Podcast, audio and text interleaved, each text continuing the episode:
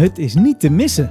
De Sint is weer in het land. En wat is nou een beter cadeau om te krijgen op 5 december dan de allernieuwste Suske en Wiske? Gaat moeiteloos door iedere schoorsteen en past uitstekend in iedere schoen, ook die van mama en papa.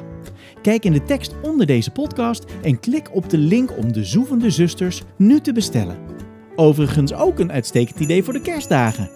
En ook de nieuwste editie van de Chronieken van Amoras kan zo in je winkelwagentje worden gegooid, want die ligt vanaf nu in de digitale winkels.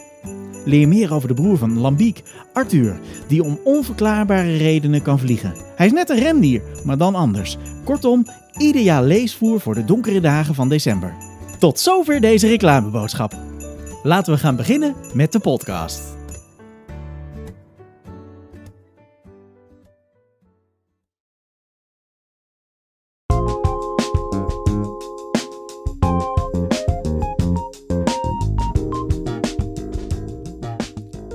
Mysterie op Rozendaal.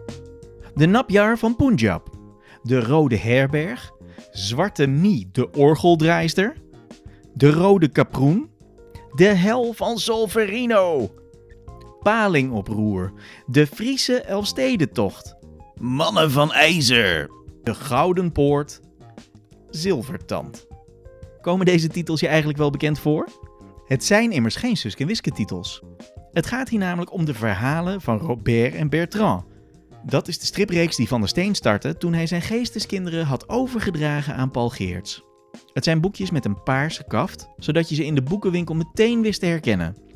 Spannende verhalen met twee dappere zwervers die in opdracht van een rechter, ene Mangin, taken uitvoerden en waakten over het welzijn van een jonge prins.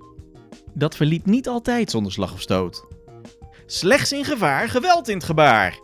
Dat was de lijfspreuk, de rijmende lijfspreuk van de twee vrienden, die alleen als de nood aan de man was het gevecht aangingen.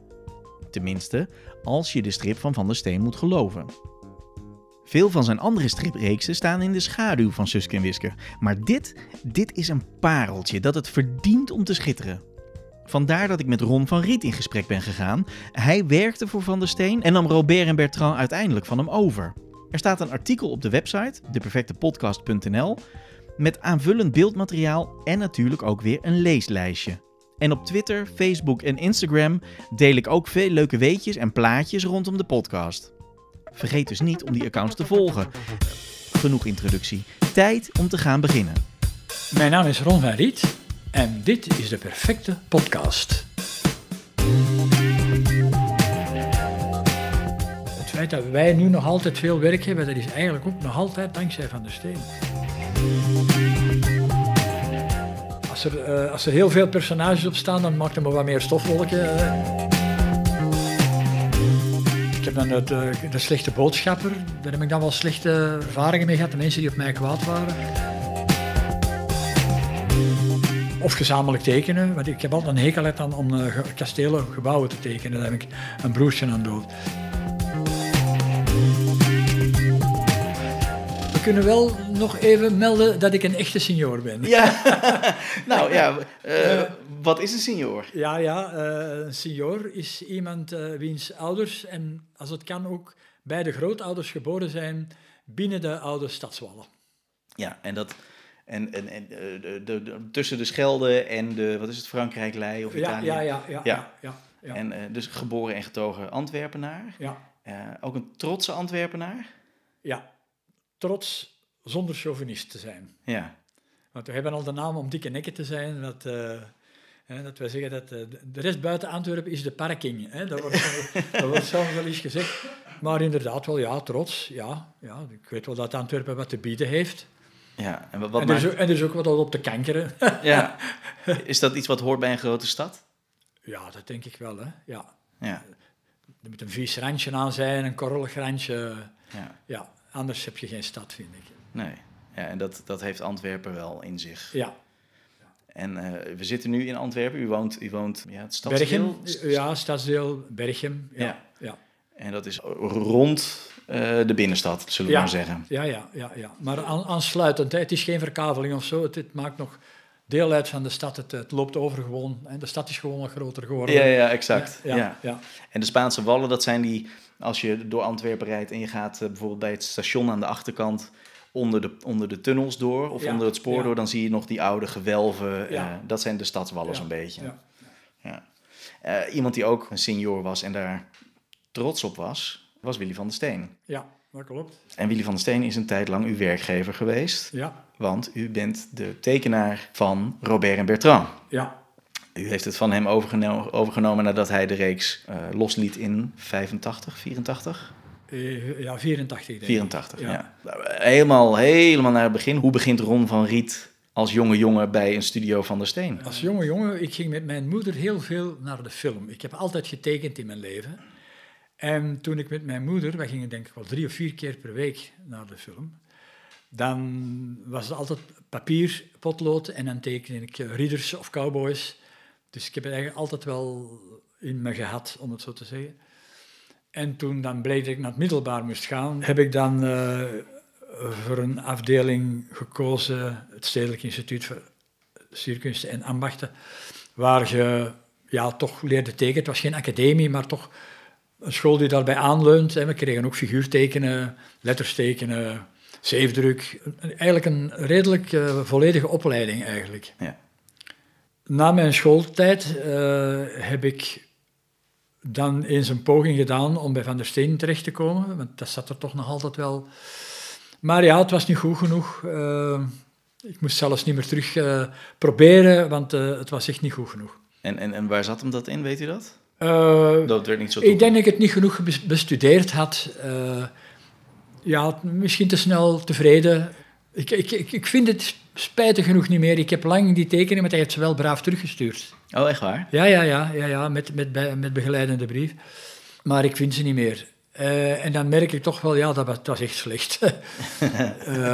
Maar na mijn legerdienst, mijn ongewapende legerdienst, daar wil ik er altijd op bij benadrukken. Ja, eh, principieel eh Ja, ja, princi- ja, principieel. Ja. Maar ik wou geen burgerdienst doen, omdat dat dubbel was. Dat vond ik dan niet eerlijk.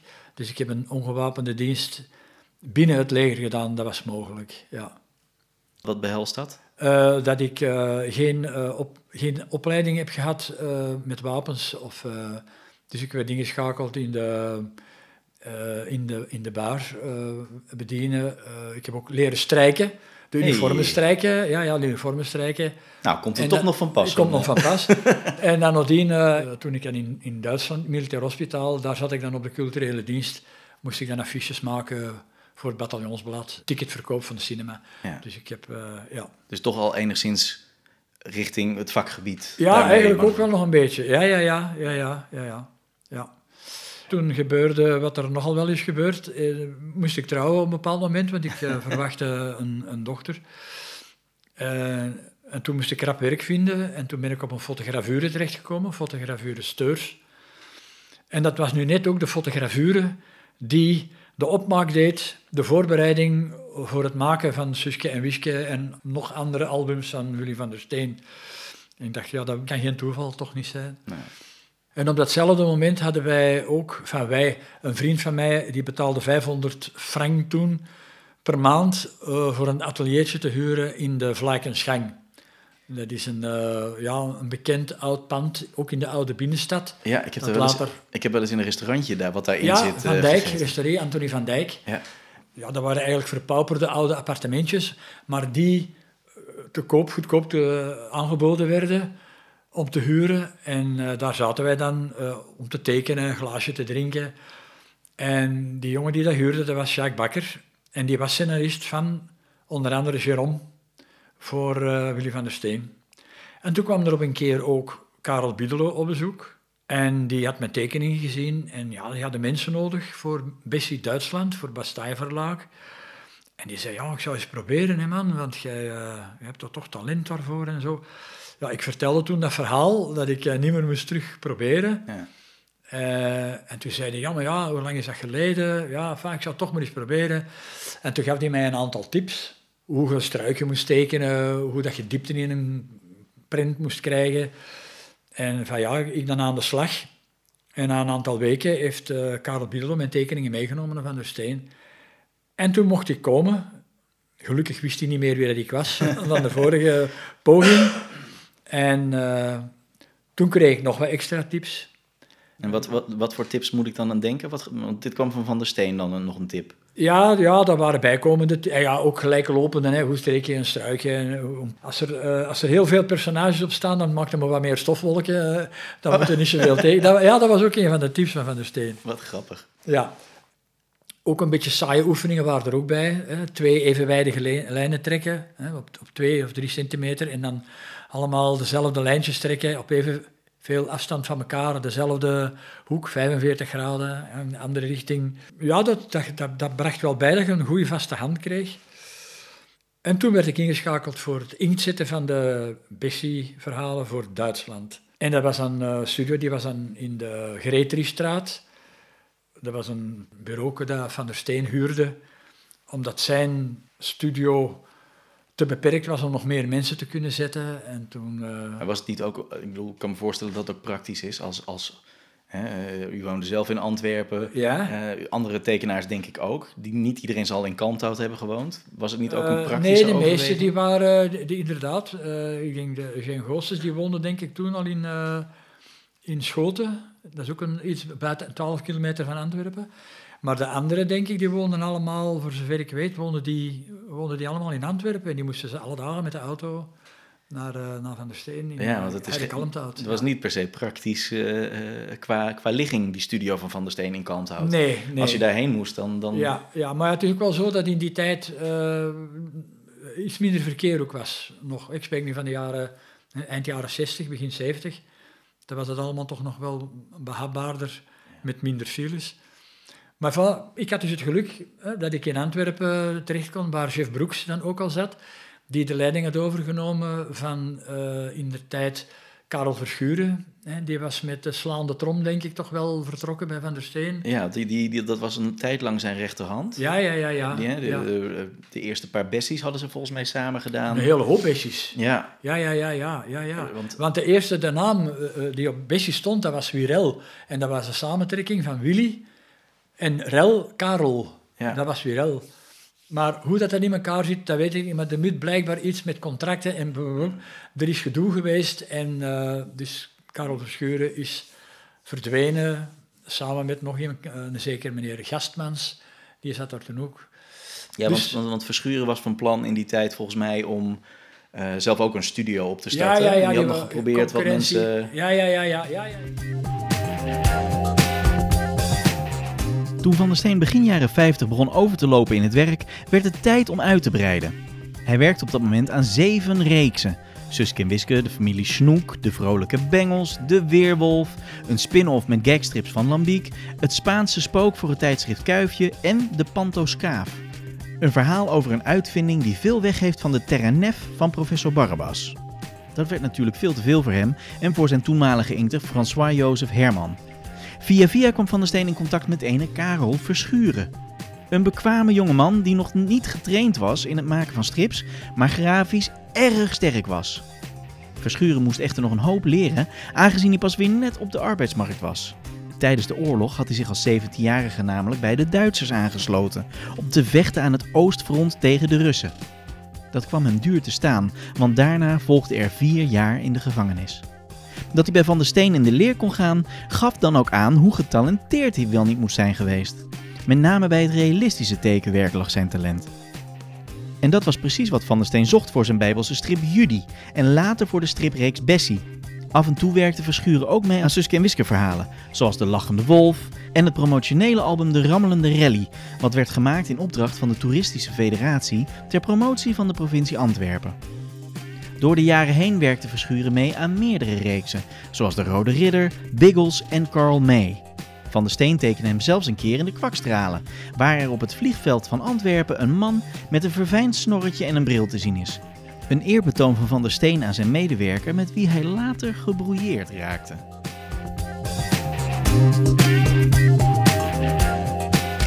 Dus chef Broeks zat daar eigenlijk quasi alleen met uh, nog een meisje, Lucienne van Deun, die uh, ook teksten schreef. En uh, ja, daar hebben wij toch wel een aantal jaren gezeten en veel gelachen en hard gewerkt ook met bepaalde momenten. Nee, dat was, dat was een leuke tijd. Ze noemden ons ook Stallig 17. Wij waren zo'n beetje... Ja, wij voelden ons soms wel een beetje het vijfde wiel aan de wagen. Hè? wij hadden aan de ene kant hadden wij wel veel vrijheid, hè, want, maar de anderen die waren zo, hè, die zaten er altijd mee met stropdas bij Van der Steen. eh, Ja, chic op kantoor in, ja, de, ja, ja, in de bossen. Ja, ja, ja, ja, ja, ja, ja. Tekenaars bij elkaar. Dat zijn over het algemeen, laten we zeggen, kunstzinnige types. Er kon nog wel een, een, een, een borreltje na afloop worden gedronken. Ja, ja, ja, ja, daar zeker in vast. Gelukkig Van der Steen zelf was er ook wel in. Voor tevoren, ja. Dus eh, hè, dat was, eh, ja, er werd regelmatig een borreltje gedronken. Ja. Ja, ja. maar er is het verhaal dat Paul Geerts onlangs nog vertelde. Als hij daar nog niet zo lang werkte, dat was een paar jaar voor mij, ik denk dat hij er in 5 of 66 is begonnen of zoiets. En dan zat hij daar op kantoor en er werd gelachen, gelachen en dat kantoor. En dan ging Paul Geerts vragen, meneer, sorry, hè, maar wij maken er zoveel was, stoort het u niet? En dan had hij gezegd, kijk, hoe kan het nu, als wij er allemaal met een zuur gezicht stilletjes zitten, dan kunnen wij niet speelse verhalen bedenken. Dus wij moeten af en toe eens goed kunnen lachen. Dus Ja. je vond dat prima, dat was teken dat eh, met plezier gewerkt werd. Ja, ja, ja. Maar eh, dat was dan Kalmthout. Maar kwam u ook wel regelmatig dan in Kalmthout? Of was dat eigenlijk niet zo niet zoveel, nee. Nee, nee, in het begin eigenlijk eh, amper. Dat was ook nog de tijd dat Van der Steen, dat was heel gek eigenlijk, eh, dat Van der Steen ons loon cash kwam uitbetalen. De eerste maandag van de maand, Ja, want dat was zijn uitgangsdag. Dan kwam hij naar Antwerpen met een, met een zak geld op zijn... met een zak geld. op, En dan was hij, eh, had hij een envelopje geschreven. We moesten dan telefonisch doorgeven. Hoeveel? En dan kwam hij met. En dan kreeg iedereen... en kreeg iedereen eh, kreeg dan zijn eh, loon eh, uitbetaald. En hij had dan nog 100.000 frank voor hem voor diezelfde avond nog voor uit te geven.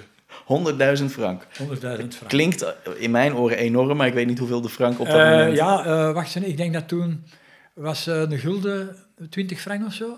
Oh ja, oké. Zo, nou dan, eh, Dat was nog een serieus bedrag. dan hè? had hij wel een... eh, Ik een- spreek van de jaren ze- 70, hè? Dus, ja, eh, had ja, hij een ja. wilde avond eh, Ja, ja, ja. voor de boeg. ja. Eh, Hij heeft een album ooit getekend, eh, De Wilde Weldoener. Hè? En dat is zo'n beetje, eh, Van der Steen had dat ook wel zo'n beetje zo. Ja, die kon ook wel eh, goed uitdelen. Ja, ja, ja, ja. ja, ja. En, en, en ging dan de, de Antwerpse studio, gingen die dan mee op, op pad bijvoorbeeld met hem? Nee, nee, nee, nee, dat was zijn privé. hij ja, zijn- Het is niet dat hij dan af en toe zei, jongens... eh, Jawel, er werd regelmatig wel eens een, eh, een feestje georganiseerd of zo, dat wel. Ja. Ja, ja, ja. Maar wij zagen hem na een tijd, na een aantal jaar, hij betaalde nog die tijd cash uit, denk ik, maar dan gingen wij het zelf halen in, eh in Kalmthout. Daar reed ik met chef Broeks, reed ik dan naar daar en dan onderweg deden wij een stop eh, in Peersbos. Dat is zo'n natuurdomein en er is een melk, melkerij. En daar gingen we dan een trappist drinken als we terugkwamen. Als we van, ah ja, de Ja. beloning voor het harde ja, werk. dat was de beloning toen wij ons loon waren gaan halen. Ah ja, ja, Ja, ja, ja. ja, ja. U was dan net binnen bij Van der Steen. U zat Ja. in, de, in, de, in de studio. U mocht meewerken aan Bessie. ja. Eh, heeft u ook nog aan andere series meegewerkt? Eh, nee. Nee. Eh, pardon, jawel, jawel. Als Karel Biedelo eh, op vakantie ging, er zijn ook pockets verschenen van de Rode Rieder. En daar heb ik een paar covers en wat illustraties van een stuk of drie van die pockets gedaan. Ja. Ja. ja. En was dat lastig of is dat een stijl makkelijk... over te nemen? Ja. ja, ik probeer dat een beetje de stijl van Karel Biedelo, maar dat was, ook, dat was niet zo eenvoudig. Nee, want als ik het allemaal terugzie, dan denk ik allemaal... oh. Maar ja, allee, ik hoop dat veel tekenaars hebben dat niet... Alle werk, als je dat je terugziet, zit er niet altijd even tevreden over, hoor. Nee. Dat is... eh, Want eh, u werkte dan voor Bessie. Bessie werd in Duitsland eh, wekelijks uitgebracht. Ja. De productie was enorm hoog. ja, dus u komt koud binnen bij Studio van der Steen. ja, Hier heb je potlood, hier heb je papier. ja, ja, ja, Het was al betekend, want uiteindelijk Van der Steen die tekende dan de verhalen. ja. En Maar Jeff ook, hè? Dus Van der Steen was dan nog niet de enige niet meer. Hè? Nee, nee, Van der Steen kon niet al die albums tekenen. Er waren dus al wel een aantal mensen. Karel Antonissen was er een van. Eh, ja, Jeff Broeks, wie was er nog bij? Goh, er zijn een aantal namen die ik niet, direct niet meer kan oproepen. maar en waren het altijd eh, Belgen of waren er ook mensen uit andere landen die eraan meewerkten? Duitsers of Nederlanders? Nee. Eh, ja, later, maar dat is een heel pak later, is Klaus Scholz erbij gekomen. Oh ja. Die later ook de Rode Ridder heeft overgenomen. Tot zijn pensioen trouwens. Die woont trouwens nog altijd in Antwerpen. Maar dat was geen Nederlander, dat was een Duitser. Die heeft eh, de Rode Ridder getekend. En heeft die, eh, Rode Ridder overgenomen, maar daarvoor heeft hij ook aan Bessie meegewerkt. Ah ja. Dus, ja. Maar ook als tekenaar of net als u, als, Als, inkter? ehm, nee, tekenen en inkt. Oké. Ja. Er waren ook tekenaars die ook inkt zetten. Dat was, ja, dat was een heel complex gegeven op een bepaald moment. Er, er waren ook mensen bij waar het soms moeilijk was om op te rekenen. Want dat waren dan zelfstandigen. en Die hadden altijd evenveel goesting. En dan moesten er achteraan gaan. Wel het album op tijd binnen zijn. En dan kreeg je soms kritiek van Duitsland. Van ja, de, de kwaliteit is niet uh, homogeen genoeg. Ja. Het verschil tussen. En dan tussen moest ik, ja, tussen de album, tussen verschillende albums. En dan moest ik naar Duitsland. Dan moest ik dat proberen ja, met Herr Geismar en Herr Kuppen. Dat was, eh, ik droom er nog wel eens van.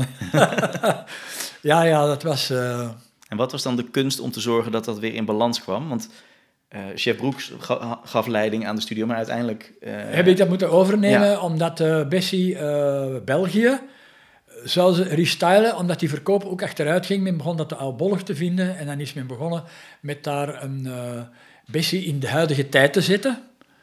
En met daar een, een nieuw figuur aan toe te voegen. Aneka, denk ik, heette die. Een, een beetje uitheems meisje, een leuk meisje.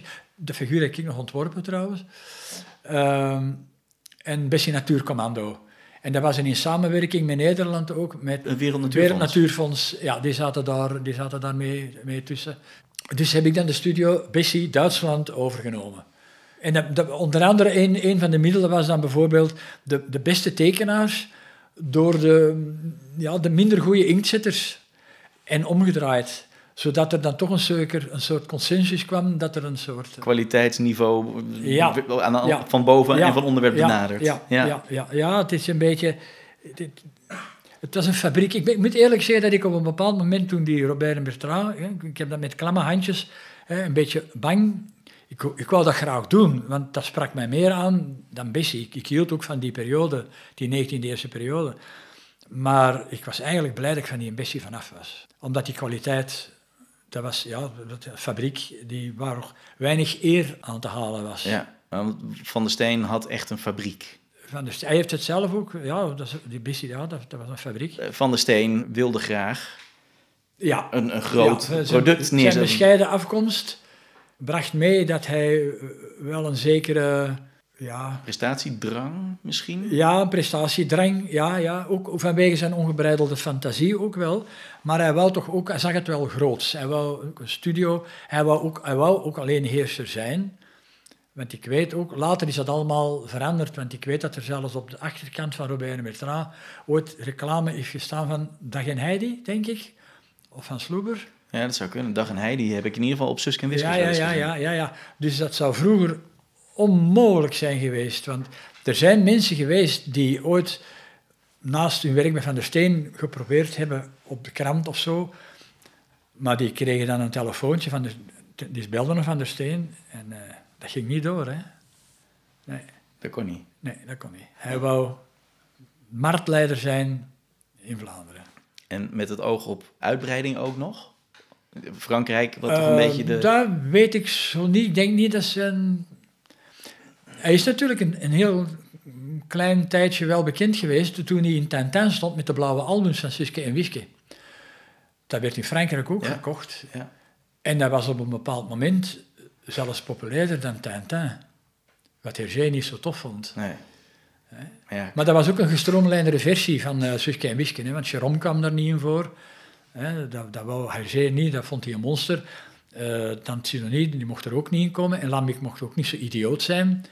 Dus het was een beetje een gekuiste versie, Ja. een, bourgeois versie van Suske en Wiske ja, eigenlijk. ja, ja, en toch de chicere variant. Ja. Lambiek altijd in pak. Ja, of, ja, eh, ja, ja, ja, ja, ja. Woonde ook in een villa. Ja, Hè. Uh, Wiske had ook andere haartjes, hè, blonde krulletjes. ja. Dus, uh, maar ja, de verhalen bleven wel even goed hoor. De, aan de verhalen, dat waren eigenlijk meesterlijke verhalen, vond ik. En die schreef hij zelf? Die schreef hij allemaal zelf. Ja. Ja. Die heeft hij ook allemaal nog zelf getekend. Ja, maar heeft Van der Steen bijvoorbeeld bij de Robert en Bertrand verhalen die hij maakte, heeft hij daar een scenario schrijver bij gebruikt of was dat allemaal zijn eigen fantasie? Ik dacht altijd dat dat... Ja, en, uh, ja hij las veel en hij was een spons. Hè. Hij, hij, ik, ik had er straks al eens gezegd, hij gebruikte heel veel uitvindingen van die tijd. Uh, dingen die dingen kon smelten of bepaalde uh, weet spiritisme dat in de 19e eeuw bekend was. Dus hij las erover en hij gaf daar zijn eigen draai aan. Dus op die manier...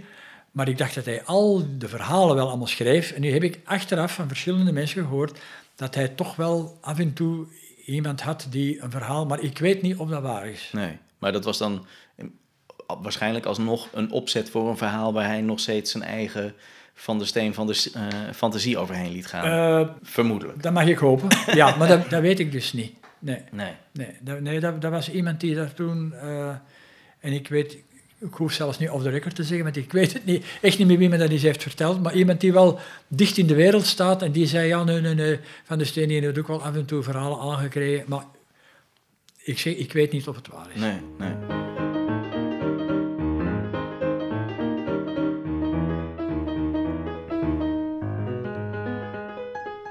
Dan nu Robert en Bertrand. Twee vrolijke vagebonden die leefden aan het eind van de 19e eeuw en aan het begin van de 20e eeuw. Ze reisden door stad en land waarbij ze opkwamen voor sociaal onrecht onder mensen in de arbeidersklasse. Een milieu waar Van der Steen zelf ook uit voortkwam. En met elementen van volksverhalen, zagen en stadslegendes wist hij steeds weer nieuwe, frisse verhalen te vertellen. Doorspekt met verwijzingen naar de realiteit en momenten uit de geschiedenis die daadwerkelijk plaats hadden gevonden. Zoals in het album De Ramp van Corvillain, waarin de ontploffing van een munitiefabriek in Oosterweel als decor wordt gebruikt. Dat hij daarbij niet altijd chronologisch te werk ging, zien we als lezer graag door de vingers. Ron van Riet en Mark Mul zouden later ook historische gebeurtenissen gebruiken om de avonturen aan te koppelen. Zo hebben ze bijvoorbeeld de palingoproer in de Volkse Jordaan in Amsterdam ook in een verhaal verwerkt. Robert en Bertrand worden van tijd tot tijd in de albums opgejaagd door nummer 17. Een halstarrige politieagent met grote bolle ogen, die keer op keer achter het net vist als hij hen denkt te kunnen arresteren, wegens landloperij. Van der Steen baseerde het uiterlijk van nummer 17 op dat van de Britse acteur en komiek Marty Feldman, die bekend stond om zijn uitpuilende ogen die hij dankte aan een schildklieraandoening. Het tweetal bekommert zich in hun verhalen over een Moldavische weesjongen, Yuki, een prins die op de vlucht is voor moordenaars uit zijn eigen land. Robert is een knappe, welbespraakte kerel, met blond haar en een rank postuur. Bertrand op zijn beurt is wat forser, heeft flinke bakkenbaarden langs zijn wangen lopen en is ijzersterk. Toen Van der Steen zijn handen vrij had na het overdragen van Suske en Wiske, wilde hij in eerste instantie graag een reeks maken over de 80-jarige oorlog, de Geuzen genaamd. De strijd van de Vlamingen ten tijde van de bezetting door de Spaanse hertog van Alva. Er werden wat ideeën op papier gezet, er werden wat tekeningen gemaakt, maar dat plan werd uiteindelijk toch uitgesteld. Het was nog te vroeg. Jaren later zou hij die reeks alsnog maken, vanaf 1985 tot zijn dood in 1990. Tien albums in totaal. Maar was er iets geweest waardoor Van der Steen op andere gedachten werd gebracht? Waarom koos hij niet voor de geuzen, maar voor Robert en Bertrand, de helden die hij nog kende uit zijn jeugd? Ronald Grosset, die je hoorde in de vorige aflevering van de Perfecte Podcast, heeft daar een mooie theorie over die te maken heeft met James Bond. Luister maar. Maar nu heb ik nog altijd de scoop niet verteld, hè. Oh. ik zal hem in kort schetsen. Ik weet niet, ken jij de serie The Persuaders? Roger Moore, Tony Collins. Ik denk in Nederland werd dat, in Nederland werd het vertaald als de speelvogels en in eh, Vlaanderen was het de versierders. En dat waren twee eh, stinkend rijkende... eh, Roger Moore speelde dan de Britse aristocraat. Ja. En Tony Curtis, de man vanuit de Bronx. En dat was een zeer populaire serie in Europa, maar de bedoeling van de makers was in Amerika eh, door te dringen. En daar lukte het niet. Het was een peperdure serie, want met blitsscènes in de Riviera en zo. Twee rijke lui die geëngageerd worden door een rechter om misdaden op te lossen. En die wat op de doos zijn, wat ja, ze hebben alles in het leven eh, gehad. Maar als je de fysiek bekijkt van eh, Bertrand en eh, Robert, dan zie je daarin toch wel... En het is Marc Legendre. Toen ik... Marc Legendre is ook een jongen van de Zeehoek. vroeg van... Ik heb een dossiertekst over de Zeehoek eh, Mhm. geschreven. En toen vroeg van... Ja, je bent ook in de Zeehoek eh, geboren. Eh, zie je daar Van der Steen eh, zijn inspiratie van? En dan antwoordde Mark heel resoluut nee. Maar wel in de Persuaders. En toen dacht ik, hé, hey, hoe komt die nu van? Ja. eh, en dan ben ik nu, op die piste ben ik nu zelf een beetje aan het Oh, verder gaan om eens te zien. Dat stoteert er nooit iemand die daar een... En, maar als je er een beetje begint op door te dingen, dan ja, die parallellen zijn wel echt. Maar eh, verhaaltechnisch of tekentechnisch? Ehm, de karakters, maar ook het basis in, eh, intrigen. Hè? Van, Ja. ja. twee mannen, oké, het zijn stinkend rijke mannen, maar ze zijn op de dool. eh, ze hebben alles in hun leven bereikt. En ze worden ingezet, ingezet om misdaad eh, Ja, ja, op te lossen door een richter, Mongain. Er is geen nummer 17, die Nee. zit er niet in.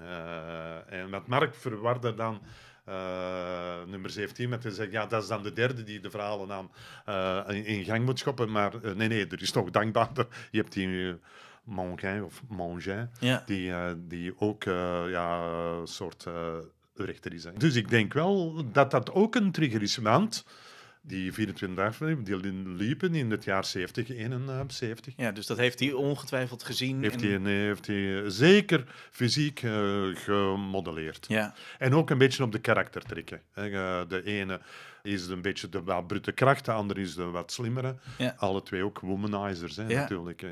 Personators wordt dat heel erg uitgesproken. Hè.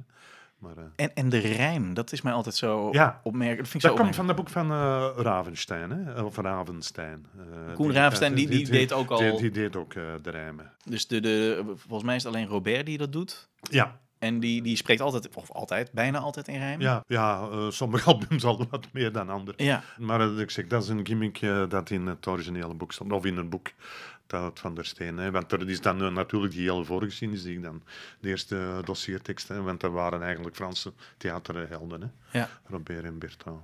En dan, eh, dan is dat in een soort feuilleton, maar feuilleton, weekfeuilleton binnen de krant gekomen. Hè. Ja.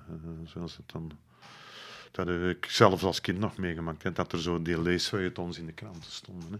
ja Dus, precies. ja, dat, ook dikwijls van klassieke verhalen, zoals van Zola of van Dickens of zo, ja, die dan gebruikt werden. Hè, om, eh, maar, toen, maar toen werden die, eh, ja, toen werden die echt gebruikt en, eh, en waren heel populair ook, hè, want er zit dan wel die parallel. Dus ik kan wel aannemen dat eh, eh, de is niet eh, is niet de vonk geweest. Nee, want eh, hij zegt, Van de Steen zegt dat genoeg in interviews, dat hij als kind ook al die verhalen van Robert en Ja. aan het navertellen was en op krijt aan het tekenen was. eh. Dus, dus het is wel degelijk dat boek geweest. Hè. Maar dat hij dan inderdaad toch wel elementen heeft gebruikt, eh, onbewust of bewust, maar het zal wel bewust geweest zijn, omdat hij dacht, ja, karaktertrekken zijn wel, eh, zijn wel leuk. Ja. Die wil ik nog een beetje meer in de verf. Ook bij het origineel van Koen Ravenstein is de ene al de brute kracht en de ander al meer de, inderdaad de dichterij.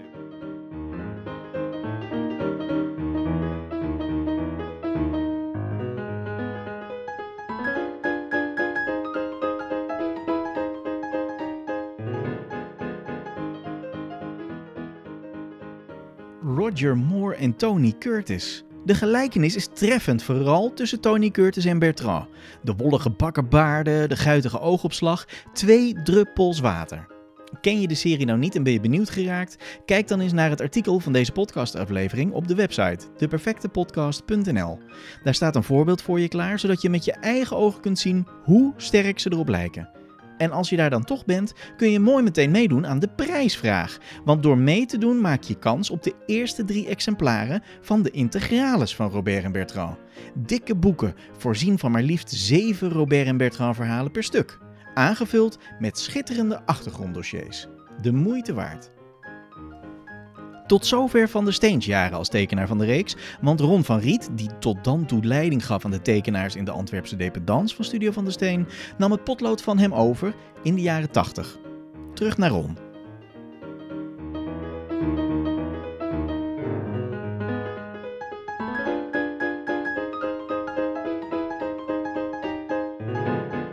We springen eerst even terug in de tijd, want Robert en Bertrand, we hebben het er nu al een tijdje over. We zijn al een eentje op weg, maar we hebben nog niet Ja, echt geduid ja, ja, wie eh, zij zijn en waar zij vandaan komen. Het is, eh, het is oorspronkelijk een, een Robert Macaire. Hè. Robert heet eigenlijk Macaire met zijn achternaam. Hij heeft een assistent, Bertrand. Ehm, zijn echt boeven. Robert Macaire is eigenlijk een moordenaar. En het is eigenlijk het is een toneelstuk dat de eerste keer is opgevoerd in 1823. Het was zelfs met, eh, ik, ik heb het onlangs nog eens teruggelezen, er was zelfs eh, cabaret bij en zo, er was zelfs muziek bij. Ja, ja. Het was een heel populair ding dat eind van de eh 19e eeuw Frankrijk rondging en ook waarschijnlijk ook wel hier eh, werd opgevoerd. En het was heel bekend en heel ja, berucht, denk ik ook wel. Ja, ook in Duitsland eh, las ik dat het... eh, Zelfs in Duitsland. ja, ja. Ja. En eh, dat is dan, eh, ja, waarschijnlijk heeft de meneer die de eerste verhalen heeft geschreven hier in Vlaanderen van Robert en Bertrand, die zal dat dan misschien ook wel gezien hebben. En nu ben ik eens aan het kijken hoe die ook weer heel Raf Verhulst of Koen Ravelstein. Hè, het, het een is het, de, het pseudoniem van de andere. En die heeft dat dan in feuilletonvorm in, eh, voor de krant. Ja, eigenlijk zoals je tegenwoordig een soapserie Ja, voilà. kijkt, kon ja. je toen in de krant de, Ja. de verhalen volgen Ja, ja, van... per dag kon je dan de verhalen volgen. Ja. Die er dan zijn eigen verhaal aan maakte. Hè? Want het schijnt ook dat die agent 17, die van der Steen, die, in die verhalen komt er ook al een agent in. Die weet ik niet meer. Ik heb er dus een, zeker agent Krol of zoiets. Of ook met een, of met een andere nummer. Maar in ieder geval, er bestond ook al een agent bij die eh, meneer eh Rafferhulst Koen Ravenstein. Oh ja. Ja, ja. En die feuilletons heeft Van der Steen als kind gelezen. En dat is voor hem ook terug een wake-up call geweest in de jaren 70, toen er nogal wat series op televisie kwamen eh, die over die periode gingen. Eh, upstairs, downstairs, dat was bijvoorbeeld een heel bekende reeks Ja. toen. En de Pallisers, dat ging echt zo over die eh, Het waren van die kostuumdrama's. kostuumdrama's van de, van de 19e eeuw. Ja. Ja. En ja, Van der Steen met zijn, met zijn hè, altijd draaiend machientje in zijn hersenen, die wou weer eens een nieuwe reeks. En die dacht, dat is populair, daar ga ik wat hij- Van der Steen heeft altijd goede voelsprieten gehad om te weten wat het er goed verkocht. Ja. Hè. Toen de, de, de, Van der Steen, de, de, de Suske en Wiske reeks eh, in de jaren 60, eh, toen tv populair begon te worden, toen is hij ook heel rap beginnen inspringen op, hè, gelijk de Texas Rackers. Je had de Texas Rangers op tv. Ja. Hè, eh, dus er zijn heel veel dingen waar je dacht, ik, ik pik dingen die bekend zijn en ik ga er ook gebruiken in mijn Suske en Wiske. Ja. Een heel goede voelsprieten om te weten wat populair is. ja. En dat komt, ik bedoel, dat kwam ook bij Robert en En Bertrand. dat kwam dan ook met Robert en Bertrand, dat kwam ook wel op de, op de goede moment. Ja. Nu, dat heeft nooit niet de populariteit van Suske en Wiske eh, gehad. Ik denk trouwens geen enkele reeks van Van der Steen heeft die hoge cijfers van Suske en Wiske gehaald. Nee, nee. Had het gekund? Als er een goede marketing... eh, Nou, ik, ik weet het niet, dat Suske en Wiske, ja, het is iets speciaals. Het is het soort humor dat daarin zit, hè, dat jongen en dat meisje, dat, eh, ja... Ja, die is erom. Ik, ik, ik weet het niet. hadden, hadden Robert en Bertrand bijvoorbeeld genoeg eh, karakters eromheen om hen te voeden in hun, in hun Dat denk ik wel. Dat denk ik wel. Want Ja, aan wie het gaat toch die agent 17, hè, die dan gebaseerd is op Marty Feldman, Ja, hè, de komiek met de bolle ogen. Je hebt, hij heeft er dan natuurlijk nog figuren. Van die Evelien die er is bijgekomen, dat was dan een vondst van eh, Mark Mul, mijn scenarist. Maar je hebt dan nog Rosemarijn Stuppenlift, hè, fotografe. Je hebt ook Prins Yuki, ja, hè, de figuur die op Van der Steen zelf gebaseerd is.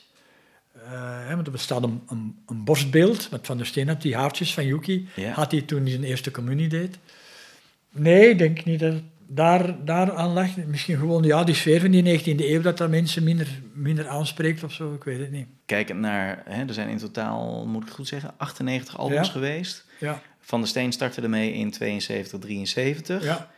Eh, hoe heeft die strip zich ge- geëvolueerd? Eh, Hij tekende zelf in een vrij, laten we zeggen, speelse, karikaturale Het was, een, stijl. het was een komische reeks, die naarmate de reeks vorderde, meer en meer realistisch werd. Ja, En ik weet ook niet waarom hij dat deed, want ik vind Van der Steen veel krachtiger in zijn komische tekentalent dan... En ik denk dat er veel mensen het met me eens zijn, dat, dat ja, zijn komisch te- teken komisch is veel beter, meer schwung, meer beweging, meer eh, ja. Ja. sfeer. Ja. Maar waarom hij dat deed, ik zou het niet weten. Hij deed dat trouwens met meerdere reeks. Met de Geuze heeft hij dat later ook gedaan. Dat is ook als komische reeks begonnen en tegen nummer 7, 8 eh, was dat me- meer en meer realistisch. En ik vond dat dat dan toch aan, aan de sfeer en het karakter inboete. ja, dus eigenlijk is dat een terugkerend patroon in zijn Ja, werk ja, geweest. Ja, Eh, eh, de- de- de- kijk naar de Zwarte Madame, kijk naar de, de- het speelse wat ja daarin maar Suske, zit. met Suske en Wiske hebben we het nooit gedaan. Hè? Nou, uiteindelijk heeft hij na de Kuifje-periode... Is die, is die- ja, eh, hij heeft, eh, zijn hij heeft tekenstijl in ieder geval. hij heeft zijn tekentalent verbeterd. Ja, oké, dat is misschien dat is de goede. Hij heeft, gewoon, hij, heeft, hij heeft gewoon beter leren tekenen. Want eigenlijk de Zwarte Madame, dat is heel karikaturaal, ik zeg niet gelijk Kamagurka of zo, maar dat was toch heel direct. En, eh, en door die, die zes albums zeker voor de Blauwe Reeks, heeft hij ja, zijn tekentalent verder ontwikkeld. Ja. Maar hij is wel nooit Suske en Wiske realistisch gaan tekenen. Dat eh, heeft hij nooit gedaan. Nee, nee dat Gelukkig. Gelukkig, ja. ja. Nou, de, de, de, stijl, we hadden het al over de stijl van Robert en Bertrand van, van der Steen. Ja. Dat werd realistischer. Ik, een van de voorbeelden vind ik bijvoorbeeld de benen. Ja, eh, die benen die zo ver van elkaar stonden met die... Met die... Een kruis. Eh, ja, ja, ja, ja, ja, ja, ja, Als je, als je de eerste tekeningen voor de luisteraars die het niet kennen, oh, je pakt maar eens een van de oudere albums erbij. De beentjes zijn zo ver van elkaar gescheiden dat er, dat er kan een voetbal tussen geklemd ja, ja, worden. ja, ja, ja, ja. En naarmate de, de albums vorderen, dan wordt dat wat realistischer, komt, komt dat wat Ja, dichter ja, bij ja, elkaar. klopt. Ja, ja, ja, ja. En ze krijgen ook wat meer body, de benen worden ook dikker. Het is eh, ja, ja, realistischer, Ja. minder, minder, minder poppetjes. Hè? Ja. Ja. En, toen kwam, en toen kwam u. Ja. Toen nam u het over. Ja. Eh, het eerste album wat u tekende was De Jacht eh, op nummer 17. ja. Was, die, was die overgang naadloos wat u betreft? Nee, dat was een beetje met eh knikkende knieën ook. Want je, je wordt natuurlijk onder de loep gelegd. Als je een reeks van Willem van der Steen overneemt, is dat... eh, ja, je weet zo dat je die kritiek gaat op krijgen. Maar ik moet zeggen dat het in die tijd eigenlijk nog meeviel. Dat het niet veel... eh, Werd het aangekondigd? niet de grond in ben geboord. Dat is nu iets dat ik eigenlijk niet meer weet. Ik denk niet dat men er heel veel... Ik denk dat met één klein artikeltje in de krant of zo, ik denk niet dat er heel veel poeha rond gemaakt Nee. is. Nee, Want nee. ik denk dat in die tijd was misschien ook nog niet eens bekend dat Paul Geerts de tekenaar was van Suske en Wiske. Althans, nog niet publiekelijk Nee, uitgesproken. Dat is allemaal wel later gekomen, dat de, de namen... eh, In de albums is ook later gekomen, hè. Ja. Is dat bij u ook geweest? Ja. Eh, Ja. eh, meteen vanaf het begin af aan of stond het Dat er weet, later? ik, dat weet ik niet meer. Oké, oké. Dat weet ik niet meer. Maar na een tijdje in ieder geval wel. Ja, Ja. ja. En eh, ja, dat was het, met de knikkende knieën een beetje wel. Hè. Om, vooral omdat de overgang... Het zat al wel een tijd in de lucht dat er iets... hè, een shift, een, een wissel ging gebeuren met tekenaars en inzetters. Omdat, ja, Bessie Duitsland stopte ermee. Die, die oplage was te hard gedaald. En eh, ja, ik heb dan het, eh, de slechte boodschapper, daar heb ik dan wel slechte ervaringen mee gehad. De mensen die op mij kwaad waren. Terwijl we al maanden op te zeggen, jongens, ik, ik denk dat het niet lang meer gaat duren. Beetje Duitsland, zoekt iets anders. En dan ja, de boodschapper heeft het dan soms gedaan. En dat, is, dat, dat, dat vond ik wel niet leuk. Alsof het aan mijn schuld was dat Nee. Stopte. Hè. Dat Ja, was wel een de- beslissing vanuit de uitgeverij in Duitsland. En de, de rol... En het feit ook dat ik dan kon blijven en zij dan niet. Ja. Hè, dat Ja. was ook. Maar ja, ik was in dienst, zij waren zelfstandigen en ja, er moest iemand Robijn en Bertrand overnemen. Ja, dat was ik dan. Ja, dat was een beetje een lastige, ja.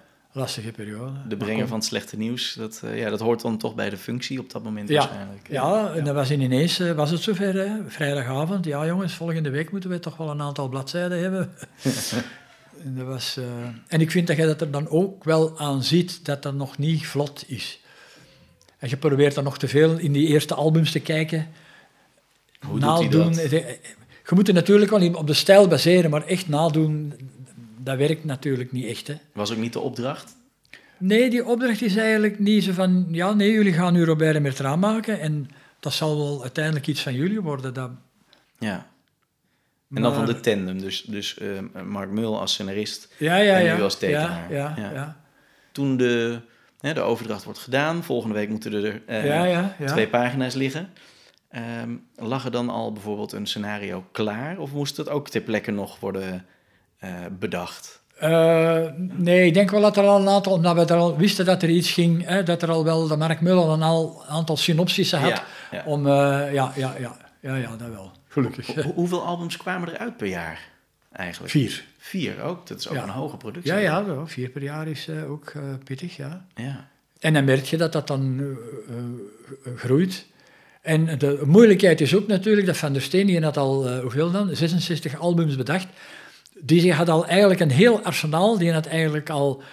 eh, al wat dat er boeiend aan wetenschap Ja, in de 19e eeuw had hij al gepikt natuurlijk. Hè? ja. Dus het was natuurlijk ook wel moeilijker om nog even interessante verhalen te bedenken. Eh, Ja, en Mark, ja, ik, ik heb het er straks al eens gezegd, hè, dat hij niet echt de tips van Van der Steen, hij wou het allemaal zelf doen.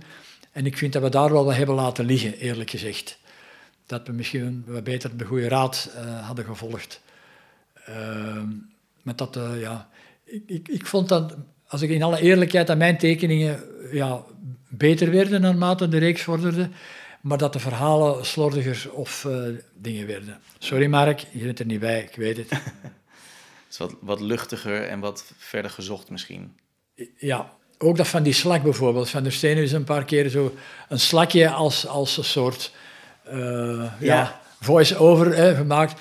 Maar dat op de duur die slak mee ging en met een sabel ging vechten, dat, dat, dat vond ik er echt over. Ja, nou, dat, was ook, dat, uh... dat was ook een, een van de vragen van de luisteraars van de podcast. Waar kwam dat slakje vandaan, inderdaad? Ja. Uh, Roelof de Vries, bedankt voor de vraag. Bij deze is die beantwoord. Het is dus een Van der Steen vondst. Ja, ja, ja, Van der Steen heeft het denk ik in twee of drie albums, dat hij zo even in, heel klein zo ergens zo met een gedachte van, waar zijn die nu mee bezig? Zo. Ja, maar ik weet ook niet waar dat hem het gehaald heeft.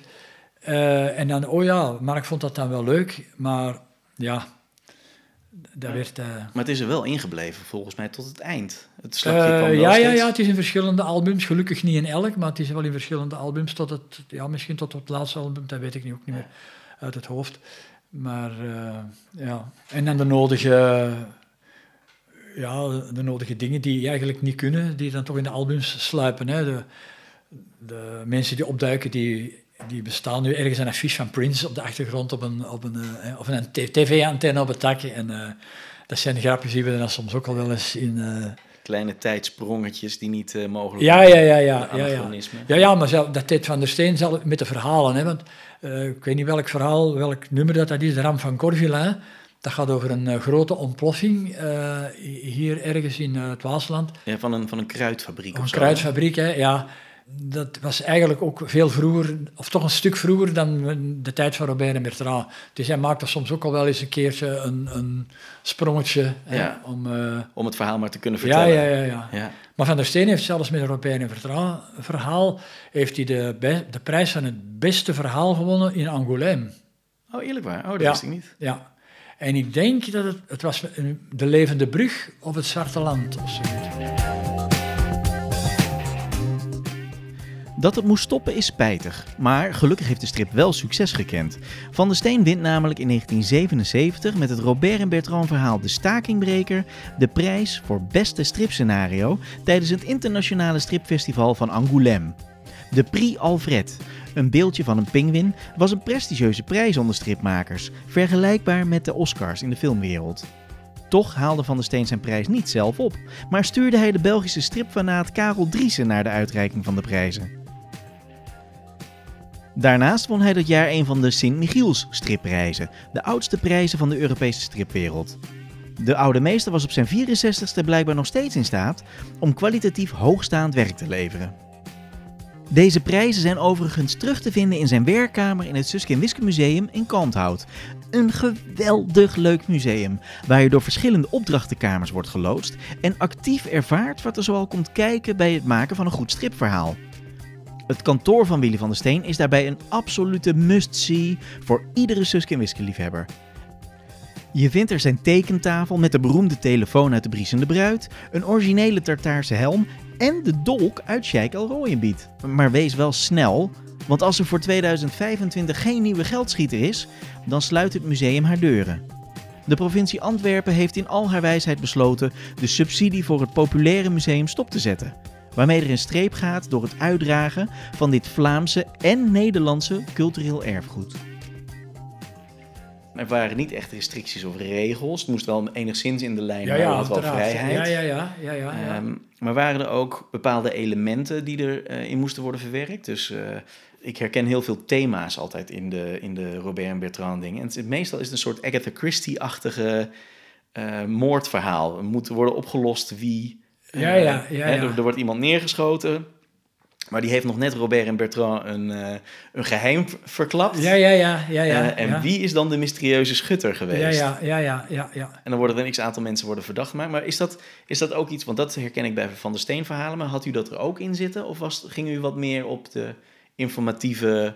Uh...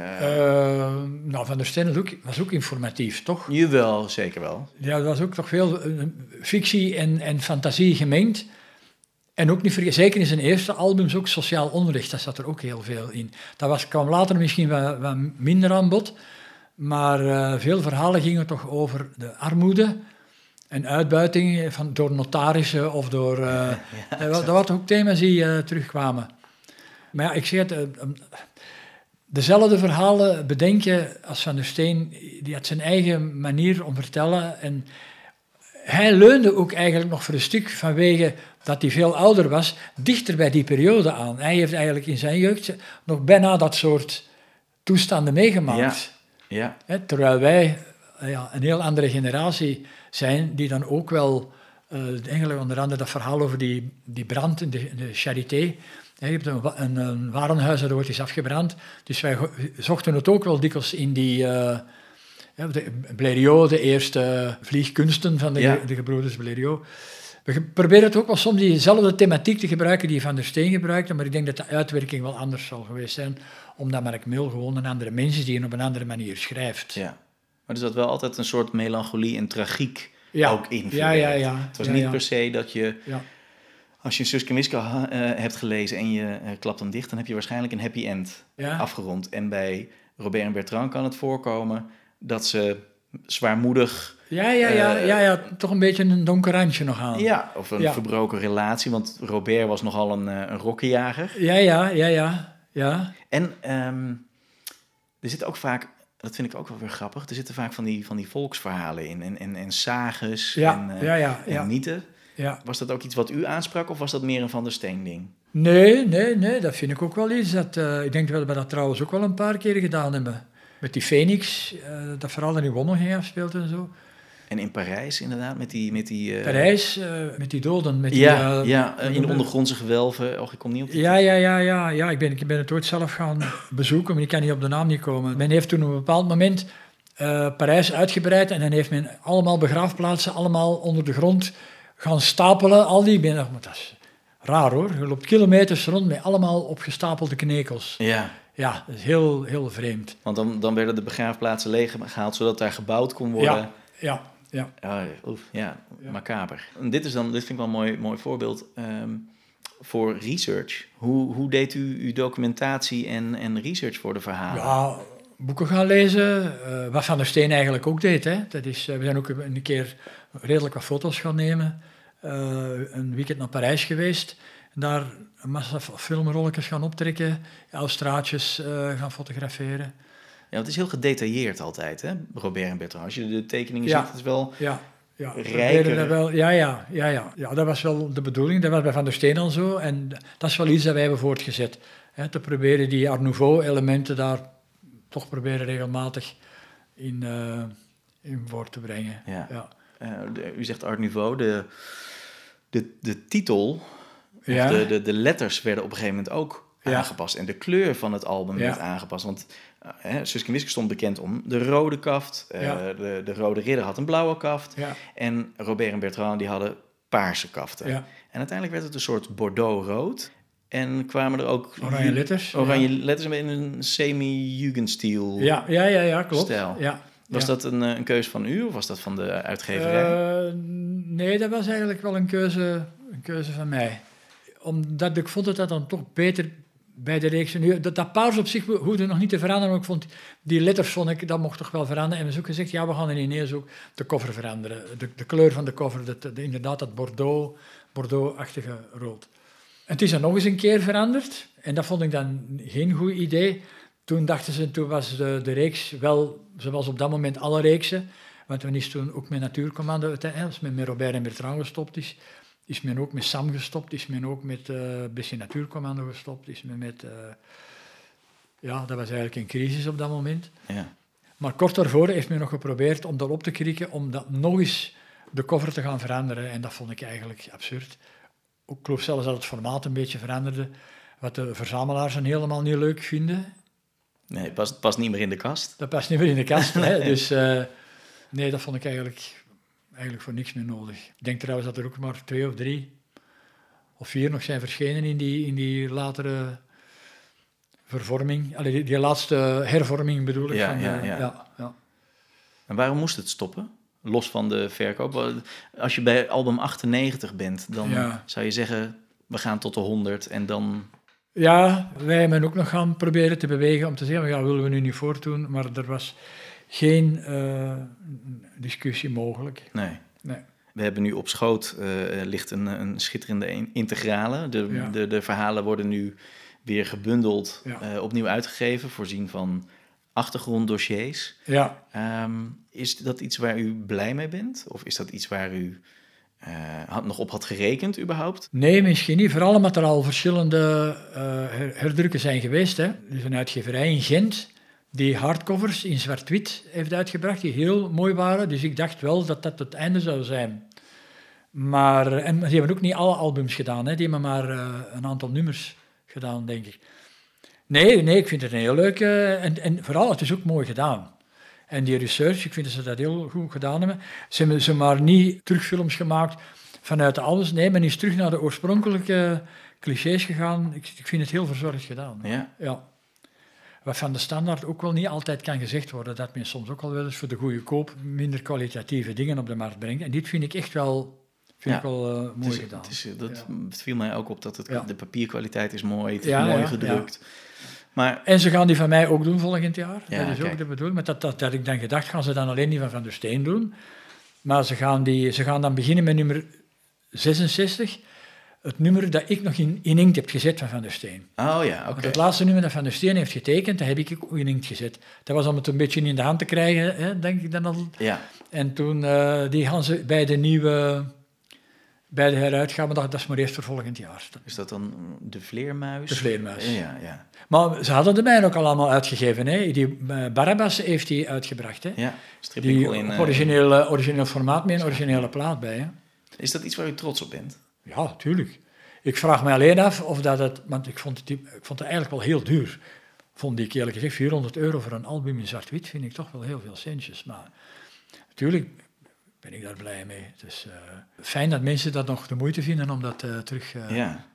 Merkt u dat u nog veel... Ik bedoel, u, signeert veel Ja. op beurzen. Ja. Dus, dus liefhebbers en fans, die, Ja. die ziet u vaak ik, ben al, ik ben al even lang in, in, in pensioen als ik bij Van der Steen gewerkt heb. Eerlijk waar? Ah ja, ik ben in, in eh, 92 in pensioen en we zitten nu in... eh, Ja. en ik heb nog altijd, en vragen de mensen, ja, waarom zijn ze er toch ooit mee gestopt? Als je nu ziet dat... Maar dan zeg ik, ja, maar gewoon niet vergeten, het is nu vooral de mensen van toen en de verzamelaars, hè. Of dat je daar dan terug een groot publiek zou mee aanspreken, dat is natuurlijk een andere zaak. Hè. Dat is, Het is, een niche. geleden. het is een niche. Ja, het is een niche geworden. Maar ik heb er nog altijd wel mijn werk mee, want ze vragen me ook nog regelmatig. Hè, maar dat is één die ik nog moet eh, verder afwerken. Die moet dan eh, ook nog eh, geselecteerd worden. Die moet dan ook nog ingekleurd worden. Dus ik heb mijn werk wel hoor. Ja. Eh, Ja, want we zitten, even voor de, voor de luisteraars, we zitten in, in, in de voorkamer van, van het huis. En dat is dus een prachtige tekentafel. Echt wat je, wat je verwacht van een, van een striptekenaar. Overal potjes verf en inkt en ecoline en wat is het? Ja, ja, potloden, ja, pennen. Hier wordt nog dagelijks getekend. ja. Ja. En is het dan alleen nog maar strip wat er wordt getekend? Nee, nee, nee, want ja, dus, ja, podcast is zonder beeld. Hè. ik maak ook... eh, Ik zal wat foto's maken en die kunnen dan op de website erbij komen te staan. De kleurenversie ligt ginder. Ik heb er ook een aquarel van gemaakt. Dus eh, nee, nee, dat is regelmatig nog dat. En af en toe een schilderijtje maken. En portretten in opdracht en dat soort Portretten dingen. in opdracht ook, ja. Ja. ja, bezig blijven. Niet constant, maar... En ook, ik pak alleen nog maar de dingen aan die ik graag doe. Ik heb genoeg tegen de klok, want als ze nu zou vragen, wil je nog een strip maken? Daar ga ik voor bedanken. Ik wil niet die stress niet meer van... En ook als ze zeggen, Ron, volgend jaar moeten er nog twee Robert en Bertrands worden eh, opgeleverd om toch tot de 100 te komen. Ik denk het niet. Nee, echt niet? Nee. Is dat alleen de werkdruk of is het ook, het is, het is goed zoals het is? Wanneer is het goed gelijk het is, dat, dat weet ik niet. Maar nee, gewoon, daar geen zin meer in. Nee. Nee, nee. Ik denk dat dat een ijzersterk verhaal zou moeten zijn. Want dat merkte ik soms, als ik dan een verhaal dat wat minder was, als je dan een bladzijde 6 hebt, en je weet dat je er nog 30 moet doen, hè, eh, dan denk ik... En vooral toen, omdat het dan was, eh, voor de krant, hè, je moest, moest elke dag in de krant staan ook. Hè. Ja, want Robert Bertrand stond eh, in België in de krant, maar ook in Nederland. Hè? Eh, Rotterdams. Ja, maar niet elk verhaal. Hè. Vooral die verhalen die in Nederland afspeelden. Oké, die werden dan er niet speciaal. allemaal... Ja, ja, ja. En En in- maakt, maakt die, dan plaats voor een Suske en Wiske strip bijvoorbeeld? Moest dat dan wijken voor... eh, Eh, nee, dat kwam er dan bij. Nee, nee, nee, dat kwam erbij. Ja. Ja, dat kwam er toen bij. Maar eh, nu weet ik niet in de tijd van Van der Steen of als ze er dan wel in stonden. Want dat weet ik niet. Maar toen Nee. was ik zo met Bessie bezig dat ik dat toen niet volgde of dat dat in Nederlandse kranten stond. Dat, dat weet ik niet. Nee. Maar van degene die Mark en ik hebben gemaakt, dat weet ik zeker dat dat alleen maar die van Amsterdam en die van Delft en die van Groningen en die van Franeker nog, die elf steden toch. Dit zijn er toch vier. Ja, ja. Ja, ja het zijn er vier. Ja. Maar dus met een ijzersterk scenario waar je...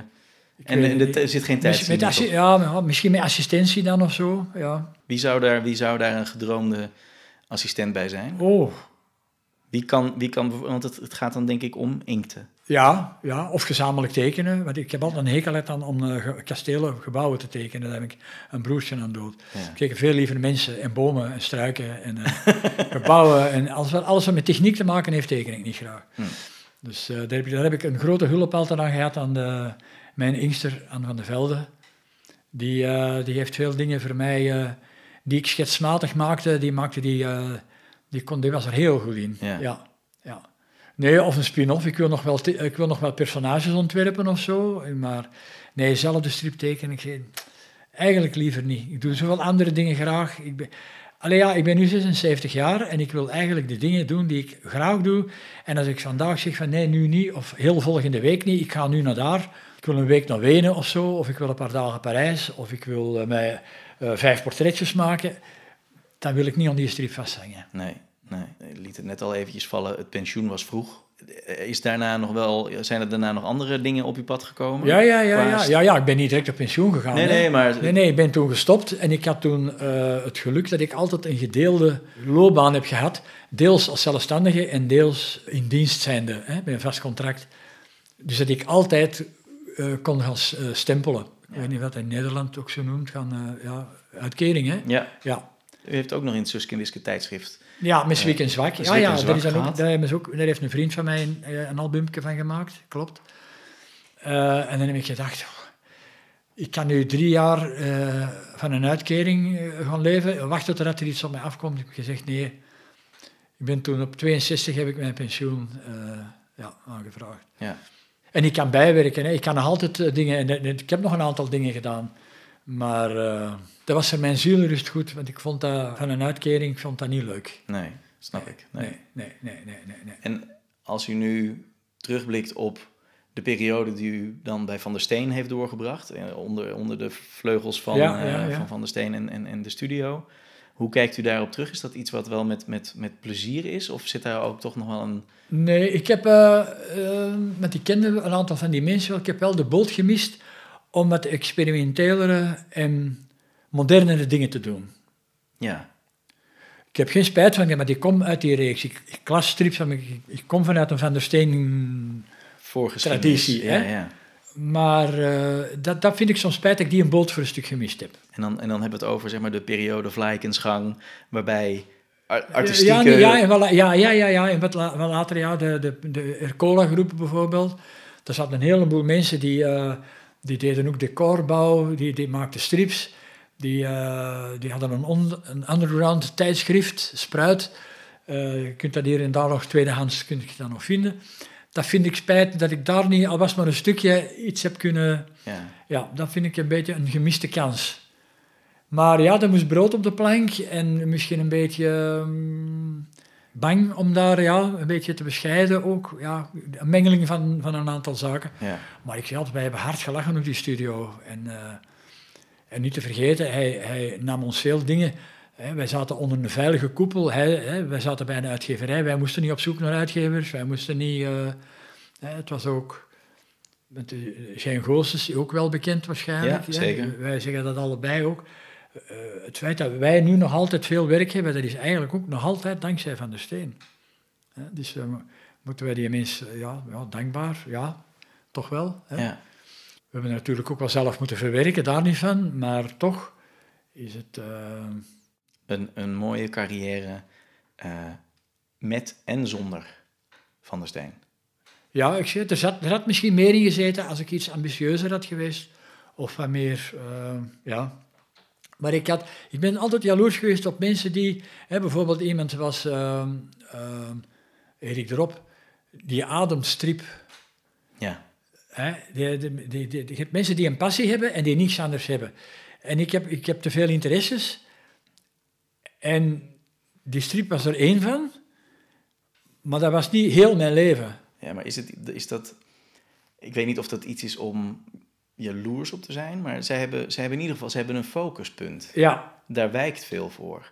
ja. Maar als ik hier om me heen kijk, dan, dan denk ik, oh, wat een heerlijk kleurrijk eh, huis. Kleurrijk mens woont daarin. ja. Eh, ook door de, door de rijkdom aan, aan, aan diversiteit. Er staat, er staat Ja. zoveel Ja, meer ik dan ik- alleen maar een stripverleden. ja.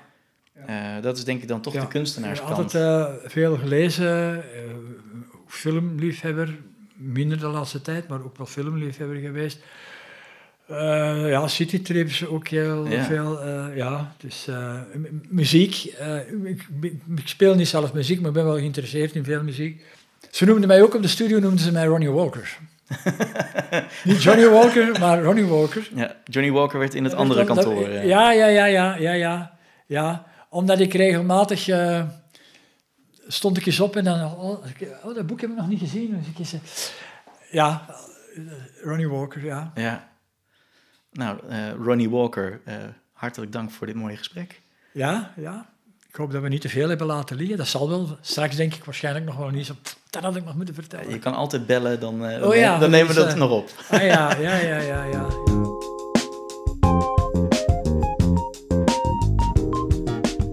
Tot zover het gesprek met Ron van Riet. Wat een vriendelijke man. En wat een mooie stripreeks is Robert en Bertrand.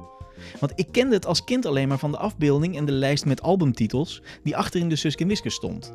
En had ik toen maar geweten hoe geweldig de verhalen waren. Want Van der Steen is in topvorm als hij die reeks maakt. De grappen, het tekenwerk, de spanning.